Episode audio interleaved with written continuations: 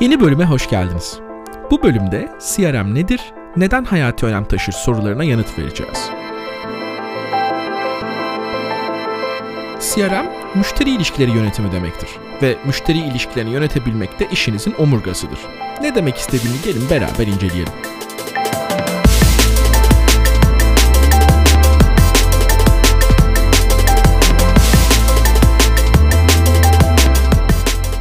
CRM deyince ilk akla gelen bu yazılımlar olsa da aslında terimin daha kapsayıcı bir içeriği var.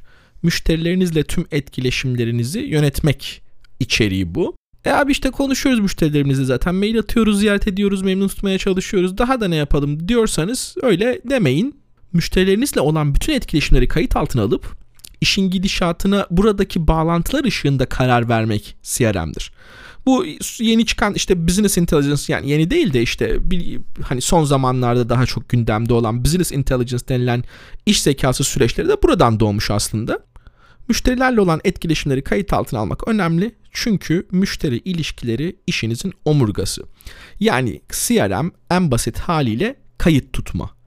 Müşteriyle olan etkileşimleri kayıt altına alma. CRM'lerin iki temel yapı taşı var. Kişiler ve şirketler. Hangi işi icra ederseniz edin kişiler veya şirketleriyle etkileşim halinde olacaksınız. Tabii ki bu çoğaltılabilir işte fiyat teklifleri, faturalar, projeler vesaire aklınıza gelecek bir sürü basamak koyabilirsiniz isterseniz sisteme. Ama eninde sonunda bunlar ya kişilere ya da şirketlere bağlı olacak.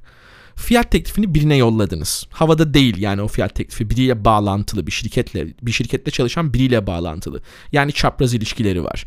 Fiyat teklifini birine yolladınız. O kişi kim? Hangi şirkette? Fiyat teklifini ne zaman yolladınız? Teklif ulaştı mı? İncelendi mi? Ne düşünüyor? Satın alıma doğru ilerliyor musunuz? İşte tüm bu kayıtları tuttuğunuz yer.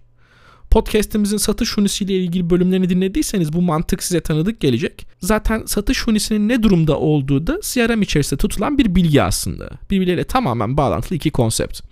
Peki ben neden hasta gibi her şeyi kayıt altına alayım? Diyorsanız yine demeyin. Ee, inceleyelim. Bir, e-mail'e girip search yaparak senaryo oluşturmak zorunda kalmazsınız. Özellikle CRM'in değerini kriz çıktığında anlarsınız. Yani normal zamanda gelin bakalım e, hani şu süreç nasıl ilerliyor denmez demek istemiyorum. Denir de hani genelde kriz çıktığında en son ne olmuştu? En son kim hangi iletişimi kurmuştuk denir. Ve böyle bir durumda panik halinde girip işte ben en son şu e-maili göndermişim. O bu zaman dönüş yapmış. Ben de ona esnaden şunu yollamışım demek yerine CRM sisteminden tık tık tık bunları rapor olarak alabilirsiniz. E-maile girip search yaparak senaryo oluşturmak zorunda kalmazsınız yani. Neden her şeyi kayıt altına almalıyım? 2.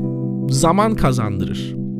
5 kişilik satış ekibi günde 5 toplantıyı 5 dakika anlatsa size günde yalnızca 2,5 saatinizi buna ayırmak zorundasınız. Ya işte benim satış ekibim o kadar kalabalık değil günde 5 toplantıda yapmıyoruz zaten demeyin. Tek başınıza bile olsanız şimdiden bir sistematik oluşturun ki yeni birisi geldiğinde kaldığınız yerden teslim alabilsin. Süreçler kesintiye uğramasın. Neden her şeyi kayıt altına almalıyım? 3. Şirket hafızanızı ve bilgi birikiminizi kişilere bağımlılıktan kurtarırsınız. En önemlisi kişilerin hafızasına bırakmamış olursunuz. İşte en son şunda e, şu şirketle görüşmelerde ne durumdayız? E, işte o he, o ne olmuştu en son e, şey attık biz ona da ona dönüş mü yap? İşte çünkü insan hafızasının alabileceği belli bir sınır var. Bunu kişilere bıraktığınızda kişinin hafızasına güveniyorsunuz. Şirketinize ait bir süreç bir kişinin hafızasından geçiyor. Bu sizin de hafızanız olabilir bu arada. Ama bu bağımlılıktan kurtarmak daha iyidir. En iyi ihtimalle bu kişi ayrılabilir, hastalanabilir. O bilgiler o kişiye ekskluziv kalırsa bunlara erişemez duruma gelirsiniz. O yüzden şirket hafızanızı ve bilgi birikiminizi kişilere bağımlılıktan kurtarmanız açısından CRM önemlidir. Her şeyi CRM ile neden kayıt altına almalıyım? Sonuncusu ama en önemlisi 4. İçgüdülerinize göre değil veriye dayalı kararlar alırsınız. Gerektiğinde tüm iş yapınıza bir adım geri atıp büyük resimden bakabilirsiniz. Bu açıdan da CRM ve müşteri etkileşimlerini kayıt altına almak çok önemlidir.